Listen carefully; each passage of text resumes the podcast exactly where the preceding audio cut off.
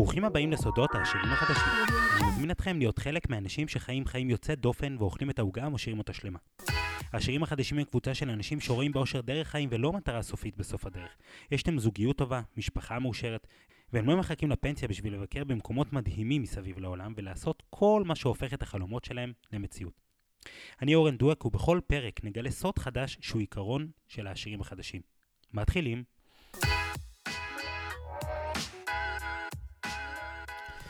טוב, אז uh, ברוכים הבאים לפרק נוסף של uh, סודות העשירים החדשים. הפרק הזה הוא בעצם uh, פרק שהוא חדש, אבל הוא בעצם הרחבה של הפרק הקודם. קיבלתי הרבה מאוד דעות חיוביות על הפרק הקודם, והרבה אנשים שאלו אותי על צרכים, אם אפשר טיפה להרחיב יותר ולהתמקד יותר במקום של זיהוי של צרכים של הצד השני. אז עוד שנייה אנחנו מתחילים. ורציתי למצוא שם שלפי דעתי ממחיש הכי טוב את הפרק הזה, והשם של הסוד לפי דעתי שממחיש הכי טוב את הרעיון, זה היכולת לראות קודם כל את הצד השני, אבל בסופו של דבר זה מה שעוזר לנו להרוויח את כל הקופה. אז טוב, אם אנחנו מדברים על צרכים, יש כל מיני סוגים של צרכים, ואני אתחיל בצרכים שהם יותר עסקיים, ולאט לאט נעבור לצרכים שהם יותר אישיים, ונראה איך בעצם הנושא הזה של צרכים הוא בעצם מנווט אותנו בכל החיים, ועוזר לנו ליהנות מתוצאות אה, ענקיות, לא פרופורציונליות. אז אם ניכנס בפן העסקי, רוב העסקים מנהלים משא ומתן. וההבנה שצריכים במשא ומתן זה מאוד מאוד ברור לאנשים, אבל בואו ננסה לראות איך אנחנו באמת משתמשים בזה בצורה טובה כדי להצליח במשא ומתן.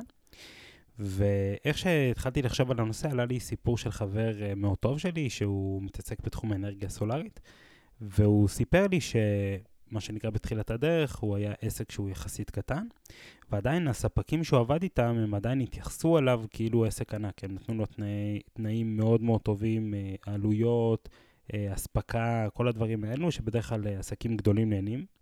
הוא בעצם קיבל את זה כאילו עסק ענק, למרות שרק בתחילת הדרך. ו... וזה מאוד מאוד עניין אותי, אז טיפה שאלתי אותו וחקרתי אותה על הנושא הזה, ואז הוא סיפר לי שחבר מאוד מאוד טוב של אבא שלו, אה, הוא תמיד עבד בצורה, הוא בכיר באחד הבנקים, הוא תמיד עבד ב...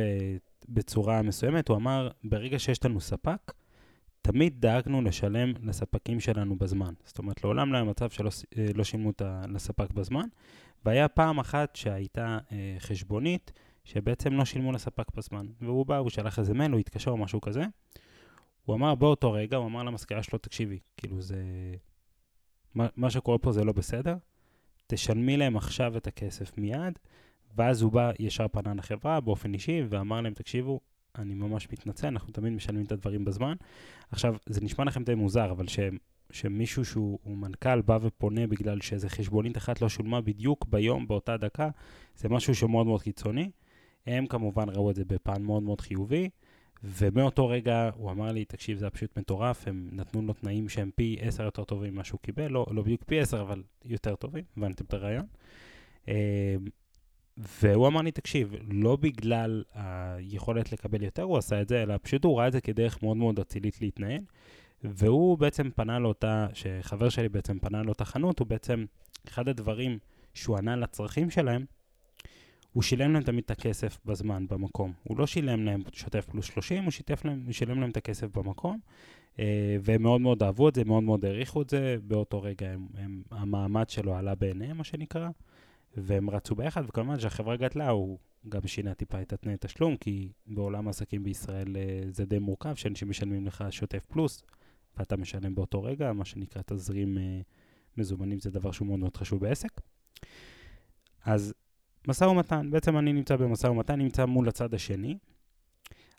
התפיסה לפעמים המאצ'ואית המזויפת אומרת שאם אני עכשיו נמצא מול הצד השני, כביכול אני צריך לבוא ולדרוש יותר ולקחת יותר, אבל האמת שבמשא ומתן אמיתי, בדרך כלל מה שאנחנו כן רוצים לדעת, זה קודם כל לנסות להסתכל על הצד השני, להבין מה הוא באמת צריך, ולתת לו את הדברים האלו בתוך החוזה, זאת אומרת, בתוך המשא ומתן, אם זה כמובן דברים שהם לא פוגעים לנו בעסקה. בואו בוא נדבר טיפה, נגיד לצורך העניין, אני רוצה לקנות... אה, לא יודע, אלף ספרים, ואני בא לחנות, ואני אומר, תקשיב, אני רוצה אלף ספרים במחיר שהוא מסוים, והם נגיד רוצים מחיר גבוה יותר. אז אני יכול לבוא לנסות להתעקש ולהגיד, טוב, סבבה, אז אני לא אקנה ואז אני אלך, זו דרך אחת. דרך שנייה, אני יכול לבוא ולשאול אותם ולהבין איתם מה בעצם אני יכול לשפר או לעשות כדי לעזור לי לקבל את מה שאני רוצה. יכול להיות שאני אגיד להם, תקשיבו, אני מקבל את ה... אני רוצה אלף ספרים, אבל אל תדאגו למשלוח. אני אשלח שליח שלי שייקח את הסחורה, נגיד, ואז יכול להיות שזה יגרום לזה שזה יעבוד בצורה טובה יותר. אם אני מבין שהמשלוח, הלוגיסטיקה, זה דבר שהוא מאוד מאוד מורכב להם. יכול להיות שאני אראה שזה עניין של uh, תשלום, יכול להיות שהם יגידו לי, תקשיבו, אני אשלם לכם עוד חמש דקות, אז הכל בסדר. יכול להיות שאלו, זה עניין של אספקה, יכול להיות שהם יגידו לי, תקשיבו, אני רוצה אלף ספרים, אבל זה בסדר, גם אם זה יהיה בעוד חודשיים, יכול להיות שאז זה יראה להם בסדר, אוקיי? עכשיו, התשובה תהיה מה נכון, זה לא מה נכון לי תמיד, זה מה נכון בצד השני. זה יכול להיות לזהות את הצד השני ולתת לו מענה, כמובן ניתן uh, בהמשך הפרק טיפה הבנה של איך אנחנו עושים את זה. נצלול לתוך עולם המכירות. Uh, הייתה לי היום בבוקר שיחה מאוד מעניינת עם uh, מכללה חדשה, שככל הנראה אנחנו נלווה גם אותה, ו... והתחלנו לדבר טיפה על מכירות, והוא בעצם שאל אותי על uh, איך אנחנו מגייסים אנשי מכירות, אני בעצם שותף בעסק של מכירות, ואמרתי לו, תקשיב, מבחינתי יש שני סוגים של אנשי מכירות. יש את האיש מכירות אחד שהוא הסליזי, המיומן, זה שיודע להוציא את הכסף מהצד השני, גם אם הוא לא רוצה, מה שנקרא, הוא ישלם. ואז זה מתחלק לאנשים שהם חסרי אתיקה לחלוטין, ואנשים שיש להם את המיומנות, אבל הם כן בעלי אתיקה. זה, זה סוג אחד, אנשי מכירות מאוד מאוד ספציפיים. ויש את הצד השני של אנשי מכירות, זה אנשים שהם לא אנשי מכירות קלאסיים במרכאות, שהם פשוט אנשים בהתפתחות אישית, אנשים טובים, שיש להם באמת הבנה לצד השני, אנשים שטובים בתקשורת, והם גם בעלי אסרטיביות. ואמרתי לו שאנחנו מגייסים לעסק של המכירות רק אנשים שהם מהטייפ השני, רק אנשים שהם אנשי התפתחות אישית, שהם טובים, שהם אנשי שיחה, מה שנקרא, שמבינים את הצד השני, ורק אז אנחנו, אה, אחרי שאנחנו מבינים שאלו האנשים, ככה אנחנו מגייסים אותם, וכמובן אסרטיביות זה חלק מהמהלך, כי אם הם יהיו לגמרי חסרי אסרטיביות, אז זה פשוט לא, לא יעבוד. אז, אז ככה זה עובד, ואני רואה גם לאורך זמן שאנשי מכירות מה, מהסוג הזה, מהטייפ הזה, הם לא רק שהם uh, מוכרים בכיף, מה שנקרא, ואנחנו גם עובדים רק עם עסקים אמיתיים שהם מוכיחים, אנחנו גם מדברים עם לקוחות שאנחנו מגייסים, עם, אה, עם לקוחות שהם נהנים מהמוצר, של לשמוע שבאמת אם המוצר כזה טוב כמו שאנחנו שומעים, כי תמיד בן אדם יגיד על המוצר שלו שהוא טוב, אם הוא לא scammer. אז, אה, אז זה מאוד מאוד חשוב לנו, ואנשי מכירות גם יודעים להעביר את ה vibe הזה, את, את האנרגיה החיובית, שהנה זה מוצר טוב, אני מבין מה בדיוק אתה צריך, וזה לא משנה אם זה קורס ל-NLP, אה, או קורס ללימודי שפה מסוימת, או לא יודע, משהו אחר, לימודי מוזיקה, whatever. חשוב לנו להבין את הצד השני ולהבין מה הוא צריך. עכשיו, אם יש לכם עסק, ועכשיו אתם אה, באים להרים שיחת מכירה, שיחת מכירה טובה, לפי מה שאני מגדיר אותה עוד פעם, שיחת מכירה טובה, היא תמיד מתנקזת בשלב הראשון שלה, שזה מה שנקרא חיבור וזיהוי צרכים. זה, ככה אני מגדיר את זה בצורה הזאת, שקודם כל זה עניין של חיבור. זאת אומרת, אם אני מדבר עם הצד השני, הוא לא ייתן לי בדרך כלל את הצרכים שלו ישר בפרצוף, יכול להיות שהוא יגיד לי, אבל לא, בדרך כלל לא. אז אני קודם כל רוצה להתחבר איתו, ליצור איתו מצב של חיבור, זה יכול לקחת uh, 30 שניות, זה יכול לקחת גם 3 דקות, אבל בדרך כלל זה כמה דקות, זה כבר יוצר את החיבור הראשוני, ואז אני מתחיל לשאול אותו שאלות שבעצם אני מבין מה הצורך שלו. זאת אומרת, היי, ראיתי שהשארת פרטים לככה וככה, רציתי לדעת למה, מה, מה, מה עניין אותך, אוקיי? Uh, אני מנסה להבין ממנו טיפה יותר טוב מה בעצם הוא רוצה. אוקיי, ואם הוא אומר, אה, השארתי פרטים לקורס, נגיד NLP לצורך העניין, כי שמעתי שזה מאוד, אה, זה עוזר אה, מאוד לזוגיות. אז מאותו רגע, השיחה שלי תמיד תהיה סובבת סביב מה שהוא צריך, אז אני, כמובן, אני אוודא שהדבר הזה באמת יש לו תאימות. זאת אומרת, הוא כן יקבל שם את הערך שהוא רוצה, ברגע שכן, אז אני בעצם אשאל אותו אה, אה, עוד שאלות, אבל תמיד זה יהיה בהקשר של, של הצרכים האמיתיים שלו. אוקיי, מה בהקשר של זוגיות? אוקיי, טוב, ליצור זוגיות, לתחזק זוגיות, זה שני דברים נפרדים. ואז שאני מבין את זה, אז אני גם מסביר לו איך בעצם הצרכים ממומשים תוך כדי אה, הקורס. זאת אומרת, אני יכול להגיד לו, אה, בקורס NLP לומדים כלי, קוראים לו מסע בין עמדות. אוקיי, מה שאתה תלמד בצורה מאוד פשוטה זה להיכנס לנעליים של הבת זוג שלך, ובאותו רגע שהיא צועקת עליך, אז אתה תדע למה, כי נכנסת לנעליים ואתה מבין, ואז ממצב של כעס, ממצב של בלבול, אתה פתאום הופך למצב של אמפתיה, הבנה, ואז אתה תבין הרבה יותר טוב מה אתה הולך לעשות. וברגע שאני מבצע את השיחה בצורה הזאת, אז גם לי כיף למכור את המוצר, כי אני לא מרגיש שאני דופק אף אחד, אני מרגיש שאני עוזר לאנשים. וזה, וזו הגישה האמיתית שאני מאמין, והשם שנעשה לאנשי מכירות בשנים האחרונות זה כי יותר ויותר מהדרים ומהללים את האנשי מכירות מהסוג הראשון, שהם בעלי מיומנות השפעה ושכנוע מאוד מאוד אה, חזקה, ושם האתיקה שלהם מאוד מאוד נמוכה. עכשיו, אם אתם אנשי מכירות ואתם אה, אנשים אתיים ומשתמשים גם בהשפעה ושכנוע, אחלה. כאילו, בסוף, כאילו, אין שום בעיה. אה, אם בן אדם בא אליי עם התנגדות ואני עוזר לו לפתור את ההתנגדות, זה כן אה, נכון להבין את זה, אבל, אבל עוד פעם, הבסיס צריך להיות בסיס טוב, וזה חייב להיות מוצר טוב, וזה חייב להיות גם מוצר שעונה על הצורך של הבן אדם, ואם זה לא עונה על הצורך, אז חייבת להיות לי היושרה להגיד לו, תקשיב, לבעיה הזאת והזאת זה פשוט לא פותר את זה, זה, זה לא זה, אתה לא הבנת נכון. אוקיי? וזה מה שעוזר לנו באופן הרבה פעמים לא מודע למכור טוב. אם אני יודע להגיד לפעמים לאנשים, זה לא מתאים לך, אוקיי? זה לא מתאים, ואז יותר קל לי למכור לאנשים אחרים, כי אני יודע שאם זה לא מתאים, אני אגיד לו. זה עוזר לנו להרגיש טוב עם עצמנו, כשאנחנו מרגישים טוב עם עצמנו, זה עוזר לנו להתקדם. עכשיו, גם, גם לצורך העניין בשיווק, העניין של צרכים הוא מאוד חשוב. לא בגלל הצורת שיווק, אוקיי? יש לפעמים שאנחנו משתמשים בהבנה של הצרכים כדי לעשות את הקמפיין השיווקי, זה לא בדיוק ככה, ועוד שנייה אני אחדד מה, מה זה בדיוק. אבל העניין של, של שיווק זה קודם כל העניין של המוצר. זאת אומרת, כשאני יוצא לשווק, אני קודם, קודם כל רוצה לדעת האם יש צורך אמיתי בצד השני, והאם אנחנו עונים על צורך. ואז אני יוצא למצב שאני משווק מוצר. אני לא רוצה לשווק מוצר שהוא לא עונה על צורך. אוקיי? מוצר סתמי, מוצר שהוא טרנדי, שהוא אה, עולה ועוד שנייה הוא ירד. אוקיי? בדרך כלל עסקים אמיתיים לא בונים על עסקים שהם, אין להם צורך אמיתי. כאילו, אה, למה קונים את זה? כי זה מגניב, אוקיי? אבל מגניב עובר אחרי יומיים. אוקיי, צריך להבין מה הצורך האמיתי של זה, וזה מה שמאפשר להם לבנות מוצרים שהם lifetime, אה, שהם מחזיקים כל הזמן, כל הזמן, כל הזמן, כל הזמן, כי אנחנו מבינים את הגודל של הצורך, וככל שיש יותר צורך לאנשים, אז המוצר הזה יש יותר פוטנציאל. עכשיו, בשיווק, ההגדרה היא לא בהכרח, לפעמים כן, אבל לא בהכרח לשווק את מה שבן אדם צריך, אלא לשווק את מה שבן אדם רוצה, אוקיי? ויש הבדל משמעותי לבין מה שבן אדם רוצה לבין מה שבן אדם צריך. אה, לא יודע, בוא ניתן דוגמה לתחום של אה, ירידה במשקל. מה שאנשים רוצים זה אה, לרדת במשקל. הם רוצים תוכנית שתבטיח להם שהם ירדו במשקל, שזה מין גלולת קסם שתעזור להם לרדת במשקל. מה אנשים באמת צריכים? מישהו שיעבוד איתם על הפן המנטלי ועל הפן הספורטיבי או על הפן התזונתי. בעיקר זה יהיה תזונתי בתכלס ועל הפן המנטלי.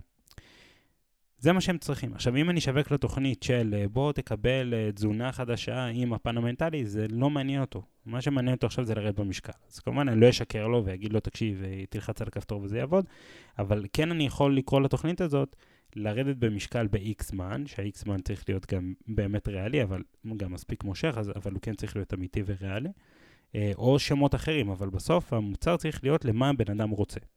אבל כשבן אדם בא לי, לי, לקבל את המוצר, מה שנקרא, לצרוך את המוצר, אני רוצה שהבן אדם יקבל אה, אה, את המוצר שיענה לו על הצורך. זאת אומרת, איך המוצר יעבוד באמת, זה לא מה הבן אדם רוצה. באותו רגע שהוא רכש, אומר לו, אוקיי, רצית לרדת במשקל ב, לא יודע, נגיד חצי שנה, נגיד זאת התוכנית, ואני באמת יכול לעמוד בזה, אני פחות מבין בדיאטות, אני נותן את הדוגמה הזאת כי פשוט קל להבין.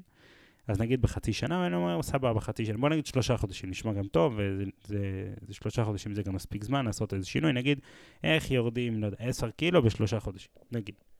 ואז אני בא לבן אדם, אמרתי לו את זה. עכשיו, אחרי שזה נגמר, אני מתחיל לענות לו על הצורך. הוא רכש, אמר לו, אוקיי, מעולה. עכשיו אני מצוות לך אה, בעצם אה, מאמן שיושב עליך בעצם באופן עדין, וגורם לזה שאתה תבצע את הפעולות, והוא בונה לך תפריט. אז הוא בונה לו תפריט ועובד איתו מנטלית שלושה חודשים.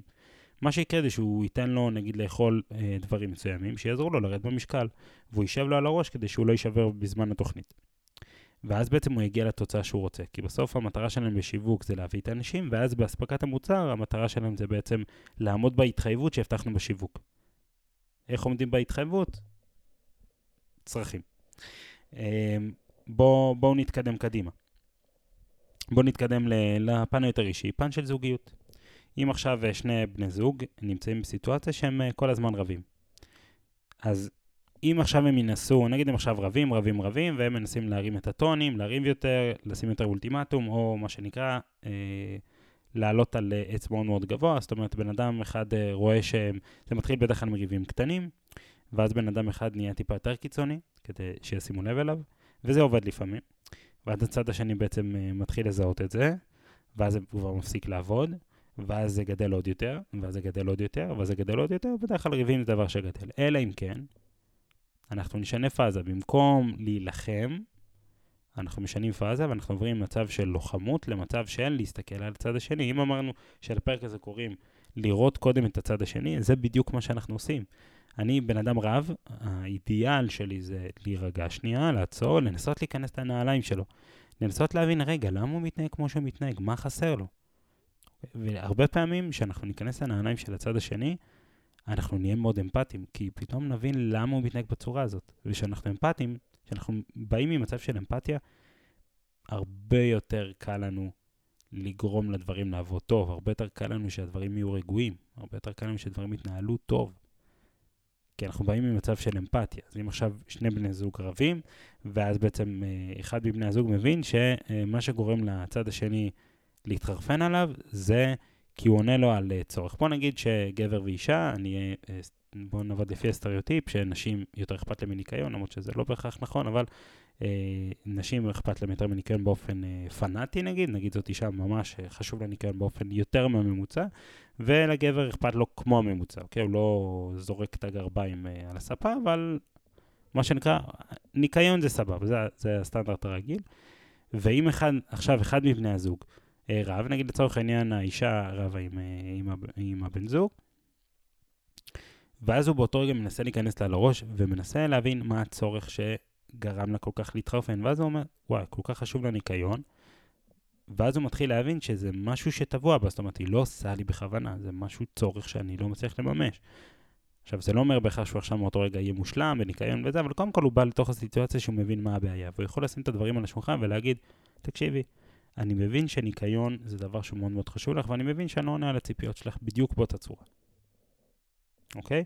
אבל כן חשוב לי שזה יעבוד, ואז משם למצוא את הפתרון. אוקיי? זה לא בהכרח בזמן הריב לעשות, אפשר לחכות ולדבר שהרוחות נרגעות, אבל בגדול, בגדול, ברגע שאני מבין מה הצד השני צריך, אני גם יכול להגיד לו שזיהיתי את מה שהוא צריך, ושאני מתייחס אליו. אם נגיד שזה הפוך, לצורך העניין, האישה מזהה באמצע הריב שהיא, שהיא נגיד לצורך העניין אפילו התחרפנה, ואז היא, היא, היא הבן זוג גם, מה שנקרא, נדלק, ואז הם מתחילים לריב, ואז היא פתאום אומרת, רגע, בוא ננסה להיכנס לו לראש, היא אומרת, רגע, לי יש צורך של ניקיון, הבן אדם השני שלו, אני בעצם באתי ויצאתי עליו, בוא ננסה לראות מה קרה. בעצם לא מימשתי את הצורך שלי, וזה מה שקרה. ואז היא יכולה לבוא לצד השני ולהגיד, תקשיב, יש לי צורך 1, 2, 3, 4, אני לא מצליחה לגרום לזה לקרות בבית, וזה מחרפן אותי, אוקיי? אני מתנצלת שזה בדיוק עובד בצורה הזאת, בוא נראה איך זה כן יכול לקרות. זה, זה גם לא חייב לבוא במצב שאנחנו אומרים, טוב, אני מוותר, אני מרים ידיים, טוב, אני אתמודד עם מה שיש. עכשיו, בזוגיות, כל המקום הזה של אה, צרכים זה דבר שהוא כל הזמן חוזר. בדרך כלל שיש ריבים, זה כי מישהו אחד מתעלם מהצרכים של הצד השני, בכל מיני דברים. זה יכול להיות אה, בן זוג אחד שהוא יותר משחרר בכסף, ובן זוג אחר שהוא יותר אה, חסכן בתפיסה. זה יכול להיות במקום שבן זוג אחד רוצה, אה, לא יודע, כל הזמן לטוס, והצד השני, הוא דווקא להפך, זה גורם לו לאבד קצת שליטה, הוא צריך יותר ביטחון. עכשיו, היופי הוא בצרכים, שאם אנחנו מפרידים בין הפעולות עצמם לבין הצרכים עצמם, ועוד שנייה אני אמשיך קדימה כי זו נקודה, אני אתעמק בזה כנקודה חשובה, שם קורה הקסם. דוגמה שדיברתי בפרק קודם על חבר שלי שהוא בעצם אה, רוצה לטוס לחו"ל, שדרך אגב הם טסים עכשיו עוד, אה, נראה לי הם טסו לפני יומיים, אם אני, אם אני זוכר נכון את התאריכים. ובעצם מה שגרם לזה של, אה, של טיסות זה בעצם הצורך בשליטה של הבת זוג שלו. אז ברגע שהוא יודע שהצורך בשליטה אצל הבת זוג שלו אה, הוא מתערער ברגע שהם טסים, זה לא אומר שהוא צריך לוותר על טיסות. זה אומר שהוא צריך לממש את הצורך. בדרך כלל מה שאני רוצה והצורך הם לא אותו דבר, הם שני דברים נפרדים. ואז באותו רגע אני בונה בעצם את האסטרטגיה שתגרום לזה שאני עונה על הצורך של הצד השני. שאם זה צורך של שליטה, אז יכול להיות שאנחנו נדבר על כל מיני נקודות. עכשיו, שליטה זה, זה, זה הגדרה כללית. נגיד לצורך העניין, זה משהו יותר פיננסי. אז אני יכול ליצור מנקודות שקיפות מסוימת או, או מעקב מסוים שיעזור לצד השני. יכול להיות שזה במקום של, זה לא מקום שאני מכיר ויש את הפחד, אולי זה פחד משפה, אז יכול להיות שאפשר לתרגל את זה על דברים קודמים. יכול להיות שאפשר לדבר עם אנשים אחרים שעושים את זה, זה גם מגדיל את הביטחון. אוקיי? יש כל מיני דרכים שאפשר לעשות. יכול להיות שזה עם הילדים, ועכשיו אה, זה מאוד מורכב. רגע, אבל מה הילדים יעשו שם? אוקיי? אז להיכנס לקבוצות שמדברות על התחום הזה בפייסבוק, מאוד יכול לעזור. אה, בלי שום קשר, זה... אני מזמין את כולם למצוא קבוצות שעושות את זה, זה מאוד מאוד עוזר עם הילדים. אני יכול לדבר באופן אישי שאנחנו טסים, אה, הנה עכשיו אנחנו טסים עוד שבוע או שבועיים, משהו כזה, לחודש, וטסנו לפני חודשיים. קיצור, זה, זה מאוד מאוד עוזר שאתה נמצא בתוך uh, קבוצות, ואתה מבין מה לעשות עם הילדים, ואתה מקבל עוד טיפים מעוד אנשים. לא רק שיש בעיות של, uh, לא רק שיש בעיות של צרכים, זה פשוט מאוד מאוד נחמד. Uh, אז הנקודה הזאת היא חוזרת על עצמה, בזוגיות כל הזמן. עכשיו, לא רק בזוגיות, גם בהורות לצורך העניין, ש... שרואים ילד שהוא צועק ורוקע ברגליים והוא מתחרפן, לא רק כשהוא מצב למצב קיצון, אבל למצב קיצון מאוד קל לראות את זה. הרבה מאוד פעמים אם ננסה בכוח לשבור אותו, זה לא יעבוד. אני גם לא יודע אם אנחנו רוצים כהורים לשבור את הילדים שלנו. עכשיו, הרבה הורים באים מהגישה באופן כללי שהילד צריך לעשות משהו כי ההורה אמר. עכשיו, אני לא, זה לא פרק על חינוך, אבל כן צריך להסתכל טיפה מהצד ולהגיד, רגע, כשמישהו אומר לי לעשות משהו, נגיד הבוס שלי אומר, תעשה את זה כי אמרתי לך, זה נעים לי? אולי לא, אולי כן. יש מצב שלא. אני מאמין שרוב האנשים, ההרגשה היא הרגשה רעה, אם הם uh, באמת נתקלים באיזה מקום עבודה קשוח כזה, שהבוס כאילו אומר, תעשה ככה, תעשה ככה, תעשה ככה ברמה המשימתית, אני מאמין שרוב האנשים יקבלו את זה רע, גם אם הם יקיימו את זה, הם יקבל, יקבלו את זה רע. וכשילד מקבל את הפקודות האלו, זה עושה לו, איך הוא מרגיש? הוא שואל למה, ואומרים לו, כי אמרתי, איך הוא מרגיש? כנראה שהוא לא מרגיש טוב, אוקיי? עכשיו, אם הוא עכשיו אה, צועק, לצורך העניין, רוב הסיכויים שיש צורך מסוים שלא בא לכדי מימוש, והרבה מאוד פעמים נזהה את הצורך הזה ונפתור אותו, יהיה לנו מאוד קל לשחרר. זאת אומרת, אם פתאום רואים ילד שהוא בא וצורח והוא, לא יודע, בואו נלך לדוגמה קיצונית מהקניון, ילד אה, נמצא בקניון, לא יודע, הם אה, הסתובבו באזור של הלגו, אחרי זה האמא אמרה לילד, אה, טוב, סבבה, רק אה, סבבה, נקנה פעם הבאה, והוא בא וצורח, לא, אני רוצה את זה דווקא עכשיו, אני רוצה את זה פה, אני רוצה את זה. אוקיי. אנחנו מבינים שכרגע יש לו צורך שנפתח אצלו, הוא רוצה בעצם לגו, הוא רוצה את המשהו החדש הזה. עכשיו, להגיד לו, לך, לך, ורק להפעיל עליו כוח, זה כנראה דבר שהוא יהיה קצת יותר מורכב. עוד פעם, כל אחד ינקט בגישה, בגישה ההורית שלו, אבל בסוף אם נעשה uh, תצפית מהצד, אנחנו נראה שבדרך כלל זה לא נותן תוצאות uh, מיידיות uh, חיוביות. עכשיו, זו דרך אחת לעשות את זה. מצד שני, אם אני אנסה לנקוט באסטרטגיה טיפה יותר טובה, לזהות את הצורך, ולשאול אותו למה דווקא הלגו הזה מאוד חשוב לו, ולמה הוא רוצה אותו דווקא עכשיו, ולמה הוא צריך אותו עכשיו. הרבה אנשים יגידו, אה, כי הוא ילד אימפולסיבי, הוא רוצה דברים חדשים כל הזמן. שיש בזה גם דברים, אוקיי? אבל אני יכול לבוא ולדבר על הרגש שלו ולהגיד לו, אה, וואו, באמת רצית להגיע עם צעצוע חדש הביתה, ורצית, בטח אתה כבר מדמיין שאתה מרכיב אותו בבית. אני מבין אותך. אני רוצה שתבין שאני מבין אותך, וגם כשאני אומר לך שעכשיו זה לא הזמן לקנות את זה, זה לא מה שאני לא מבין אותך, ואני רואה אותך, ואתה חשוב לי, אוקיי? אני... ואז לדבר לילד בצורה טובה. עכשיו, יכול להיות שעל הפעם הראשונה זה לא יעבוד, מה שנקרא, כי צריך ליצור את, ה... את המצב הזה שהורה בכלל מגיע למצב שהוא מדבר עם הילד. אז גם אם בפעם הראשונה זה יעבוד בצורה סבירה, בפעם השנייה זה יעבוד טוב, כי כבר הילד מתרגל שיש פה מישהו שרואה אותו בצד השני. הוא לא מרגיש ש... אה, הוא סתם אומר לזה, הוא באמת מרגיש שההורה רואה אותו. עכשיו, זה, זה, זה המפתח לחינוך באופן כללי, זה אכפתיות. עכשיו, ברוב המקרים, הפעולה המיידית תגרום לתוצאה. זאת אומרת, אם ילד עכשיו לא ישן, יכול להגיד שזה קורה, אה, פתאום אחד הילדים לא, לא רוצה לישון, לא נרדם, או כל מיני דברים כאלו, ואז אני שואל אותו, למה אתה לא נרדם? יש משהו שאתה רוצה? יש משהו שאתה צריך? בגילאים יותר קטנים, לפעמים פתאום צריכים לשירותים והם לא אומרים. אה, לפעמים הם רוצים אה, לשתות אה, חלב או מים או משהו כזה. לפעמים זה קורה עם דברים אחרים, זאת אומרת, לפעמים יש צרכים מאוד קטנים ומטומטמים, לפעמים הם רוצים לשמוע שיר, וסגרתי להם את הזה, והוא מאוד רוצה לשמוע את השיר. ואז הוא יכול כאילו לא להגיד את זה במילים, ולהגיד, אני לא רוצה לישון, לא עכשיו, לא עכשיו, לא עכשיו. בסוף פתאום מה אתה מגלה? אה, הוא בכלל רוצה לשמוע שיר. אז בואו נשמע את השיר הזה ונרדם, לפעמים הוא רוצה לשמוע סיפור. עכשיו, כל הדברים האלו, בדרך כלל הילדים יגידו את זה, במיוחד עם הורים שהם עם תקשורת יותר פתוחה בתוך הבית, אבל גם אז, לפעמים קורים מצבים ש, שהם נכנסים לתוך מערבולת, שהם לא תמיד יגידו מה הם רוצים. אז כל העניין הזה בחינוך זה גם המקום של להבין את הצרכים בצד השני.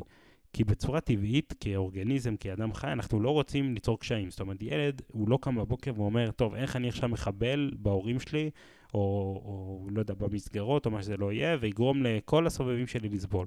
הוא לא חושב ככה, גם אנחנו כמבוגרים לא חושבים ככה. הוא רוצה לחיות את החיים שלו, הוא רוצה, הוא רוצה לחיות את הפלואו שלו. וברגע שאנחנו פוגעים לו בפלואו, אז שם מתעוררת הבעיה, במרכאות.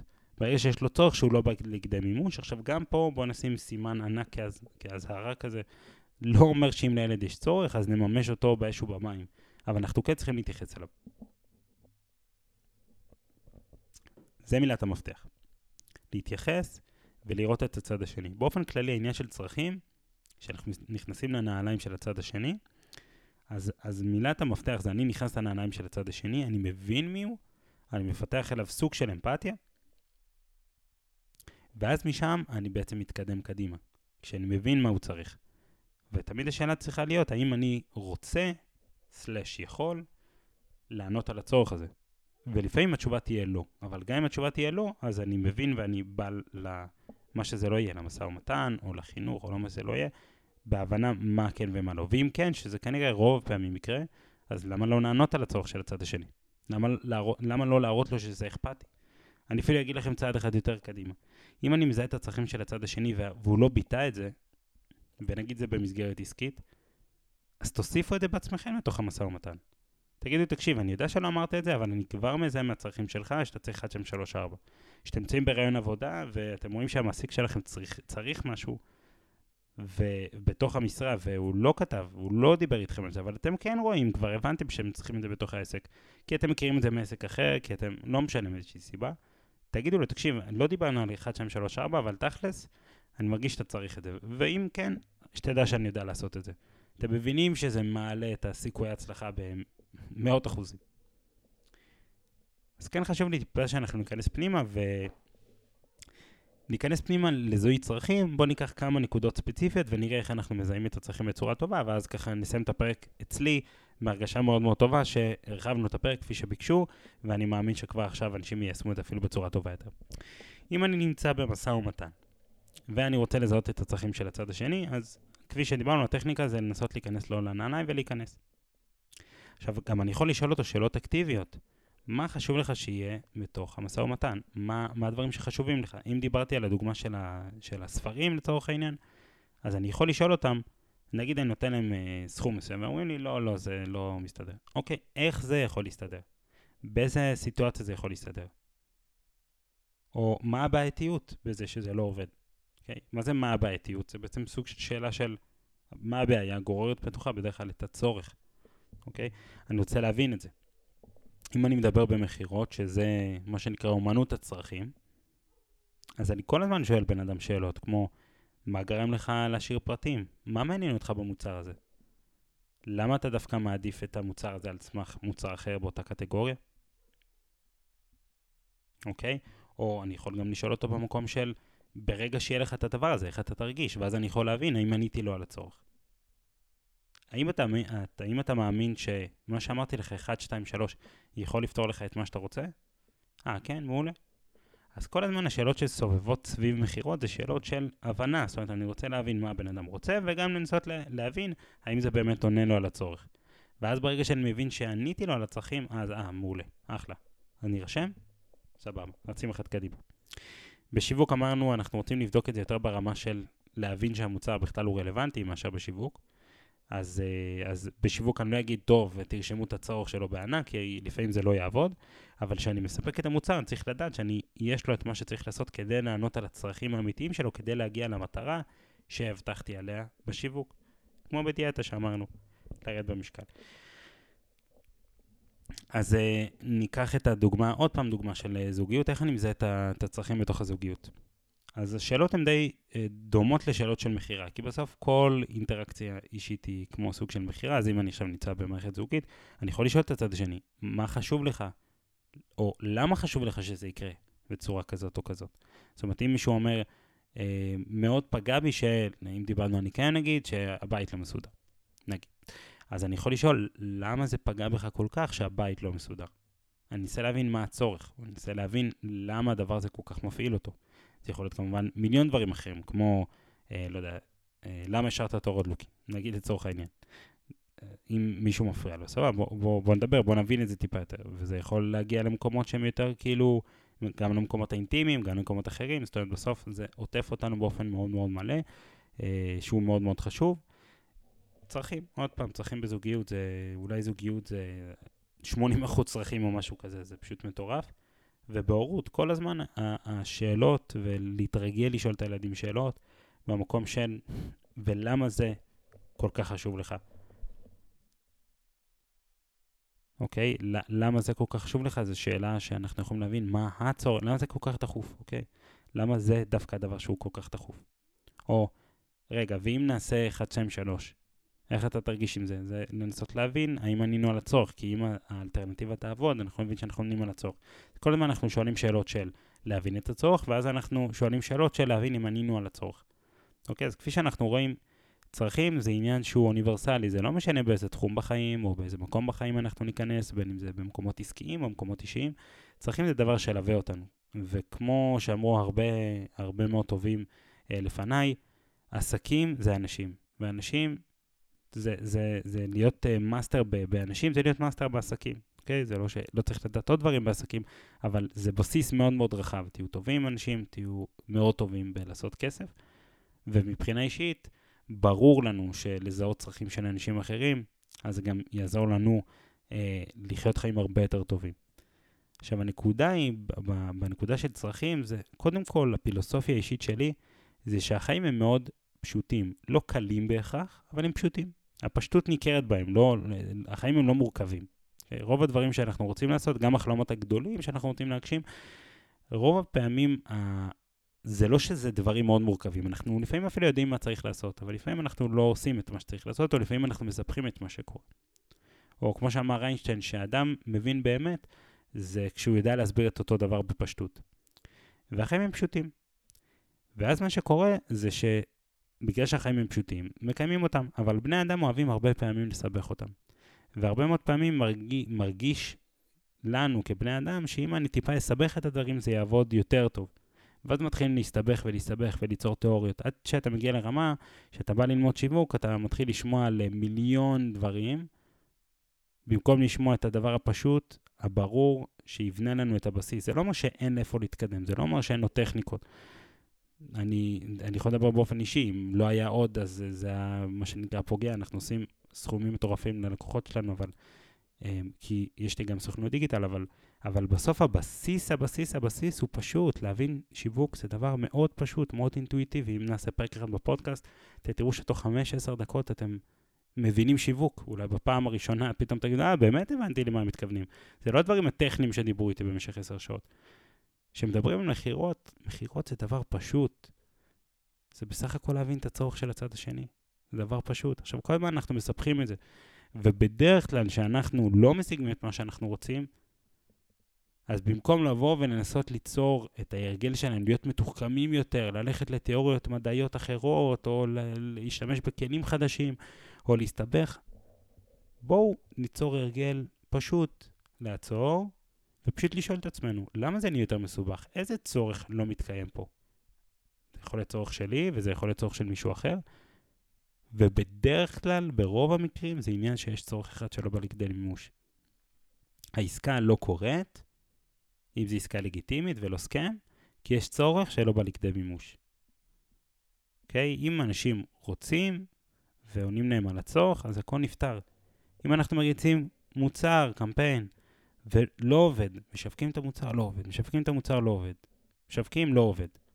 אם משווקים, ו, ובוא נגיד שמי שמשווק הוא ברמה גבוהה וזה לא עובד, זה לא בדרך כלל זה תהיה לא בעיה בשיווק, זה תהיה בעיה במוצר, או יותר נכון בעטיפה של המוצר, זה בין שיווק למכירות.